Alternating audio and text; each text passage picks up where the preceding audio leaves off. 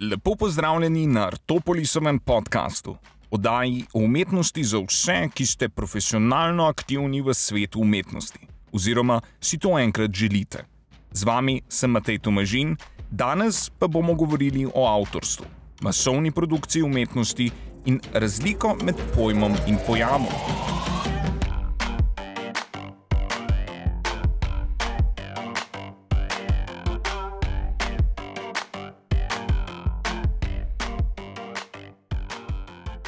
Kateri dejavniki vplivajo na prepoznavanje umetniškosti določenih predmetov? Je to provenienca, ki nam pove, kje vse se je delo nahajalo, in v primeru, da je prejšnji lastnik dela muzej sodobne umetnosti ali recimo moderna galerija, ali le to naredi delo umetniško? Mogoče je to določena zbirateljica, katere okus je prepoznaven kot vrhunski in je delo, ki si ga je v določenem obdobju lastila prav ta zbirateljica, resnično postalo umetniško samo zaradi nje. Mogoče pa je za status umetniškosti potreben motiv pomembne osebnosti, kot je recimo Jezus ali pa Gandhi ali Tito, in je to tisto, ki iz navadnega predmeta naredi umetniški predmet ali pa celotno vprašanje vezano zgolj na tehniko, s katero je delo bilo narejeno. Akril na platnu, recimo, je umetnost, sitotisk na majici pa zgolj dizajn. V vseh primerih lahko seveda najdemo določen kanček resnice, določen argument, ki naredi vse prej naštete oblike pomembne za razbiranje statusa umetniškosti. Danes pa se bomo posvetili najpogosteje uporabljenemu argumentu, namreč vprašanju avtorstva in si na splošno ogledali, kako ta status vpliva na naše razumevanje umetniškosti določenega dela oziroma dejanja.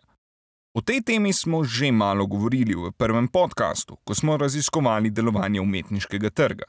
In če ga niste poslušali, je povezava do tistega podcasta na voljo v opisu tega. Naša namišljena umetnica v podkastu, s katero smo prikazali pomikanje med različnimi ravnmi trga z umetninami, je recimo na vrhuncu svoje kariere svojo produkcijo del delegirala drugim umetnikom in umetnicam, oziroma bolje rečeno asistentom in asistentkam.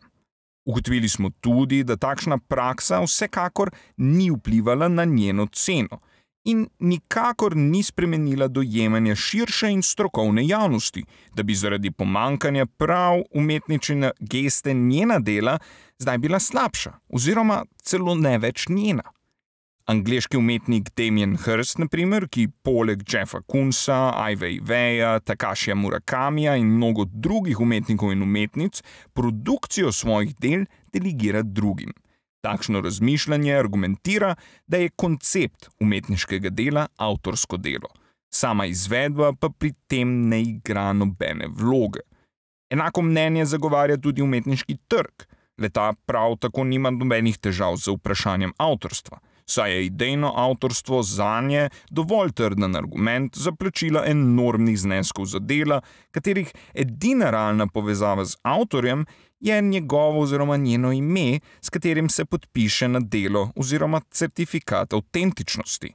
Težave tudi ni z originalnimi kopijami umetniškega dela. Originala slavnega dela Fontane, avtorja Marcela Dušampa, naprimer, ni. Soglasje med strokovnjaki je, da so ga zaradi sporne narave tekom razstave verjetno vrgli v smeti.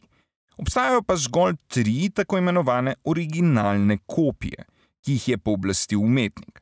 Čeprav nobena v resnici ni enaka originalu, lahko bi celo opazili, da si objekti niso niti popolnoma podobni.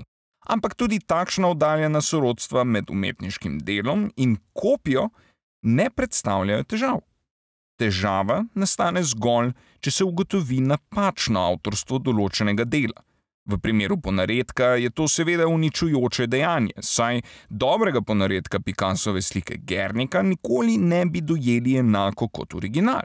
Ne zato, ker bi bile med kopijo in originalom minimalne razlike v debelini slojev barve ali v tenkih sivin, temveč ker kopija ne bi odražala enakega konteksta za razbiranje, kot ga posuduje original. Original tega dela velja za eno najslavnejših slik ki prikazuje grozovitost vojne prav zaradi svojega historičnega konteksta in je delo izpod rok Pabla Picasa, mojstra slikarstva 20. stoletja.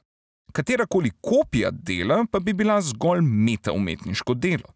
Spravi nekaj, kar bi bilo sposobno govoriti zgolj o originalu s pomočjo negacije samega sebe kot le tega. In nič več.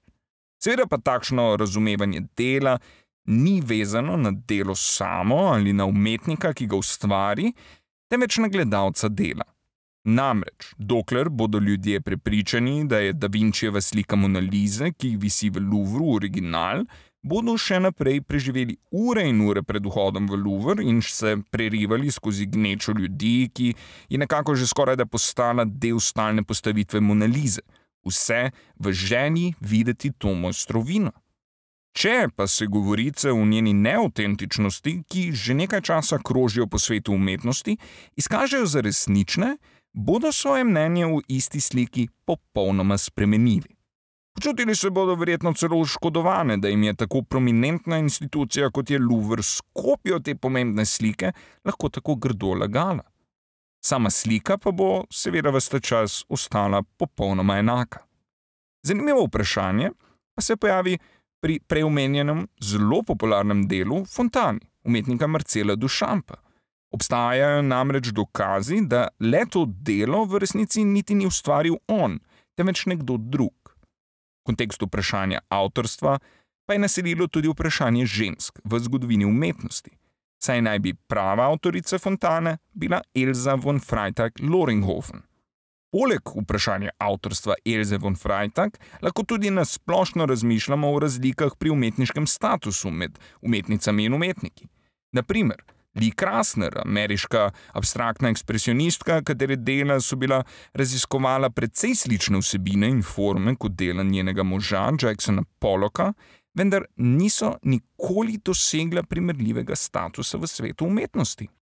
Seznam imen umetnic, ki so pustile neizpodbiten pečat na razvoju umetnosti, je seveda mnogo daljši in najpomembnejše je razumevanje, da kljub na vides nepomembno delujoči spremenljivki, kot je spol producenta umetnosti, le ta je vplivala in še vedno vpliva na umetničin oziroma umetnikov status, s tem pa na status umetniškosti narejenih del. Seveda pa zgolj v kontekstu družbe, ki še ni uspela doseči funkcionalnih rešitev spolne teorije in njenih aplikacij. Kjer tega neravnovesja ni, je vprašanje spola izdelovalca umetnosti v povezavi z njegovim oziroma njenim statusom umetniškosti popolnoma nepomembno. Glede problematika avtorstva Marcela Dušampa seveda lahko predpostavimo, da bo resničnost dokazov naredila določen napad na njegov status, kar pa ne pomeni, da bo v tem primeru izbrisan iz vseh zgodovinskih zapisov niti ne, da bo pod vprašanje dano vso njegovo umetniško delovanje. Saj tudi ugotovitev, da je Picasso kopiral brakovo idejo uporabo kolaža, ni bistveno spremenila njegovega statusa kot enega najpomembnejših umetnikov 20. stoletja. Celo nasprotno, popularizirala je njegovo izjavo: Dobri umetniki kopirajo, veliki umetniki kradejo. Ironično se tudi za to izjavo ne ve čisto natančno, če je v resnici sploh Picassova. Umetnost kot izkušnja obstaja neodvisno od ideje avtorja. Zgolj funkcionalni razlogi vzpostavljajo njuno vez in ji dajo pomembnost. Recimo najpomembnejše med njimi je seveda vprašanje o vrednosti avtorske produkcije. Za namene razbiranja statusa umetniškosti in neumetniškosti določenih del pa ti razlogi nimajo bistvenega pomena. Razen v primerih, kjer koncept umetniškega dela temelji na predpostavki, da je njegov avtor uveljavljen umetnik oziroma njegova avtorica uveljavljena umetnica. Pomislimo lahko prav na Fontano, Brilo škatle Andeja Warhola in ostala avantgardna dela. Kaj tako lahko ugotovimo, je, da status umetniškosti ne nastane, ko določen avtor oziroma avtorica ustvari delo in mu nadane imenovalec umetniško. Umetnost je v bistvu oblika komunikacije, zaradi tega pa je prav vprašanje komunikacije ena izmed najpomembnejših tem, ki jo je treba raziskati, če želimo razložiti, kako določen pisoar nikoli ne bo umetniško delo, dušampov oziroma von Freitag Loringhofen in pa le to je. Pojav komunikacije lahko zelo preprosto umestimo v simulacijo, ki temelji na lingvističnih pravilih, se pravi pravilih, po katerih se giblje naš jezik. Če se, na primer, vprašamo, kaj definira pomen besede posameznik, le ta ne more nositi svojega pomena, če obstaja v relaciji še z vsaj enim njemu neenakim posameznikom. Vsaj sta oba posameznika definirana pod pogojem, da pri obeh ne gre za enak pojav oziroma enako osebo. Enako je tudi pri drugih besedah, kot sta miza in stol. Vse so klasifikatorji, določena imena, ki v sebi nosijo vnaprej dogovorjen pomen. Ta pomen pa ni nič drugega kot opis funkcije oziroma namembnosti, ki jo katerikoli od teh besed in seveda predmetov, ki jih besede predstavljajo, pripisujemo. Vse te pomene lahko združimo v celoto, ki jo imenujemo semantična dimenzija predmetov, se pravi dimenzija pomenov, in si podrobneje ogledamo njeno dostopnost vsem posameznikom, ki jo uporabljajo v obliki skupnega jezika. Glavna razlika je namreč prav v dostopnosti, saj razumevanje jezikov ni črno in belo vprašanje, ampak je vprašanje področja sivin. Osnova je vedno bazična zmožnost komunikacije. Recimo nekdo, ki pozna 5000 najpogostejših besed angliškega jezika, bo sposoben komunicirati z drugimi angliško govorečimi posamezniki in posameznicami ampak za aktivno sodelovanje v družbi določene študije opisujejo potrebo po poznavanju vsaj 20 tisoč besed, v primeru akademskega diskurza celo 40 tisoč in več. Semantična dimenzija tako resnično ni vprašanje poznavanja oziroma nepoznavanja jezikov, ampak vprašanje kvalitete poznavanja vsakega jezika. V to področje pa ne spadajo zgolj slovenščina, angliščina, nemščina in ostali svetovni jeziki, ampak tudi narečja, slengi, žargoni, verbalni jezik, računalniški jeziki kot so C, in Java in vse ostale oblike komunikacije. Lahko bi šli celo tako daleč, da bi razumeli vso dogajanje na svetu kot nekakšno obliko izmenjave informacij in s tem določeno obliko nekakšnega jezika. Najpomembnejše je, da se glede katerega koli jezika ne sprašujemo zgolj kvantitativno, se pravi, koliko jezikov narekovajo poznamo oziroma razumemo, ampak kvalitativno, kako dobro razumemo vsak posamezen jezik in kako dobro razumemo samo komunikacijo kot urodje, ki je dosegljivo človeškemu bitju. Pogled v razlike razumevanja nam ponuja teološko vprašanje Božje besede v krščanstvu. Našo raziskavo semantične dimenzije bi namreč lahko enakovredno preimenovali v raziskavo Božje besede, njena logika pa bi ostala skoraj da nespremenjena. Božja beseda namreč ni toliko povezana s pojmom besede, ampak je metapojem, se pravi, našo pozornost ne usmerja na določen pojav, ampak jo ponotrani v raziskavo same sebe. Božja beseda za teologa je najbolj bazični skupni imenovalec za povod kreacije, v smislu, da predstavlja urodje, ki je ustvarilo resničnost in jo še naprej ustvarja.